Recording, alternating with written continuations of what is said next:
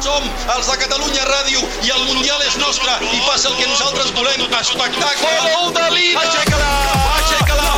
Fixa, però com corre tu moto! Univers MotoGP. Però que animal és el champion! La champion! Univers MotoGP. Amb Damià Aguilar.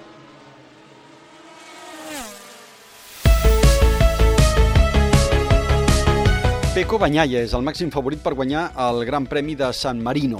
A les cinc primeres posicions hi ha quatre Ducatis. Només Fabio Quartararo, el líder, amb la seva Yamaha, s'ha ficat al davant a la graella, si bé la Suzuki tenen ritme. Avui, Marc Márquez és notícia perquè una vegada més ha buscat desesperadament rodes que li marquessin el camí i se n'ha sortit. Univers MotoGP. Anem a la graella. Peco Banyaya, tercera pol de la temporada, nou rècord de la pista, Miller i Quartararo a la primera fila, Martín Zarco i Pol Espargaró a la segona, Marc Márquez, Aleix Espargaró i Àlex Rins a la tercera, Maverick Viñales, Joan Miri Bastianini a la quarta, a la cinquena Nakagami, Pirro Marini, a la sisena Morbidelli, Binder, Bradal, a la setena Àlex Márquez, Lecuona, Oliveira i a la vuitena per tancar una graella de 24 pilots Petrucci, Valentino Rossi i Andrea Dovizioso. En fi, Àlex Espargaró ens comenta qui està més fort de cara a la cursa. Si és en sec, més que el ritme dels Ducatis, fa més por el ritme del Peco. Crec que el Peco està un pas per sobre, crec que ni el Jack, ni el Zarco, ni el, uh, ni el Jorge tenen més ritme que nosaltres. Eh, jo crec que tindrem un ritme semblant, però el Peco sí que està un pas per endavant.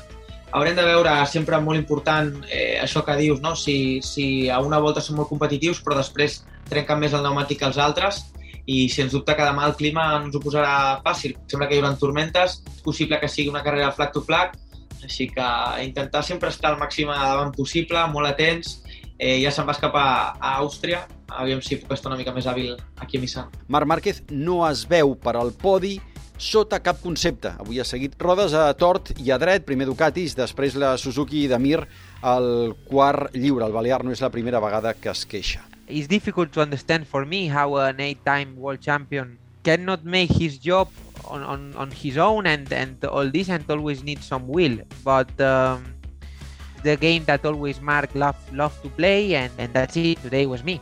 No entenc com un vuit vegades campió del món necessita una roda per fer la feina, però ell ho fa així, m'ha tocat a mi, diu el de Palma. Aquesta és l'explicació del Marc. Donar-hi la volta a la situació quan estàs difícil, quan estàs patint, doncs has de buscar has de buscar-te la vida. I, per exemple, aquí a Nissan el que m'aporten a darrere d'un és eh, que a la zona ràpida la moto es, es mou molt menys, és molt més estable i això doncs, m'ajuda a, a gestionar-me físicament, ja no tindre que fer tanta força i, i anar més ràpid a la vegada però eh, dit això, el qualificatori molts pilots han, eh, perquè aquí es nota bastant, eh, han buscat eh, roda, el que lògicament eh, pues, si les càmeres t'enfoquen a tu és el, al final és el que, és el que surts, però, però sí que, que tots els pilots Honda, o la majoria, hi ha la tendència aquesta de, de darrere d'una moto o darrere d'un altre pilot eh, és més fàcil arribar al temps. Eh, per què? Perquè estem patint més que les altres marques. Eh, bàsicament és això. Això ve de la caiguda número 19 de la temporada de Marc Márquez al tercer lliure. Ha hagut de fer repesca i l'ha pogut superar amb l'ajuda de Stefan Bradel, que s'ha posat a fer trenet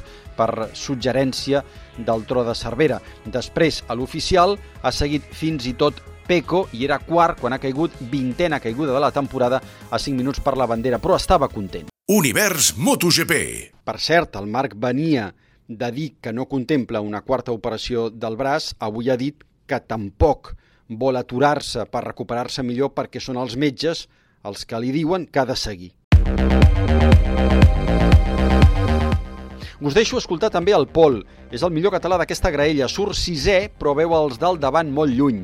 També són molt més ràpids, no crec que tingui el ritme per estar menys, però no estem tan lluny com, com a una volta. Una volta no, no, no, no entenem què fan o no entenc el que fan, però totes les Ducatis, no només una, sinó totes, diferents uh, estils de pilotatge, el rookie, el Martín, uh, sense molta experiència també és capaç de treure's una volta, el Miller, que té un estil més agressiu, molt fora de la moto, el Peco, que té un estil molt a sobre de la moto més suau, eh, el Zarco, que a vegades va ràpid, a vegades no, però sempre una volta ràpid, vull dir, és, és impactant com són, són ràpids a una volta i que tots poden fer-ho, no només un pilot i, i bé, demà serà una cosa d'intentar enganxar-me a ells tant com pugui i a veure si puc fer un passet endavant en el warm-up perquè serà important. I aquí la reflexió del Maverick, que Misano ha aprofitat el coneixement previ de dos dies de test amb l'Aprilia.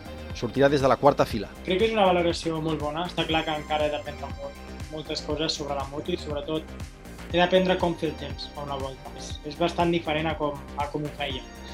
Però a ritme molt millor. La veritat és que aquí estic molt més a prop i demà serà una carrera interessant també perquè el consum de les gomes semblen bastant bo i això és algo positiu per, perquè aquí a Misano si tens un bon grit avances posicions. Llavors, mica en mica, la veritat és que no em poso cap, cap resultat, més que intentar fer una, una cursa consistent des de la primera volta. Has millorat el, el tema de la frenada, que, que venies aquí amb, amb aquesta assignatura pendent? He millorat bastant, la veritat, però està clar, al final eh, millores una cosa, empitjores una mica l'altra. Llavors hem d'intentar posar tot, tot junt i aviam si ens vindrà molt bé aquells dos dies de test per provar coses molt diferents, sobretot de posició sobre la moto, que crec que ens pot ajudar. Aquesta és la penúltima cursa de MotoGP de Valentino Rossi a Itàlia. Segurament la pròxima de l'octubre serà més emotiva i segurament la final de València ho serà més. Aquí té 10.000 difosi a la graderia. El casc que ha estrenat, com és costum, habitual, tradició, té un dibuix d'un gran llaç rosa de la nena que esperen amb la seva companya Francesca. Hem de ser conscients que s'acaba la carrera d'un mite i que hi haurà un abans i un després de Valentino a MotoGP. Aquest diumenge a tres quarts de dues, Gran Premi de San Marino en directe pel web l'app de Catalunya Ràdio. A mi em ve molt de gust una cursa en pluja, sempre recordo la del 2015, on hi va haver doble canvi de moto i va guanyar Márquez. Univers MotoGP.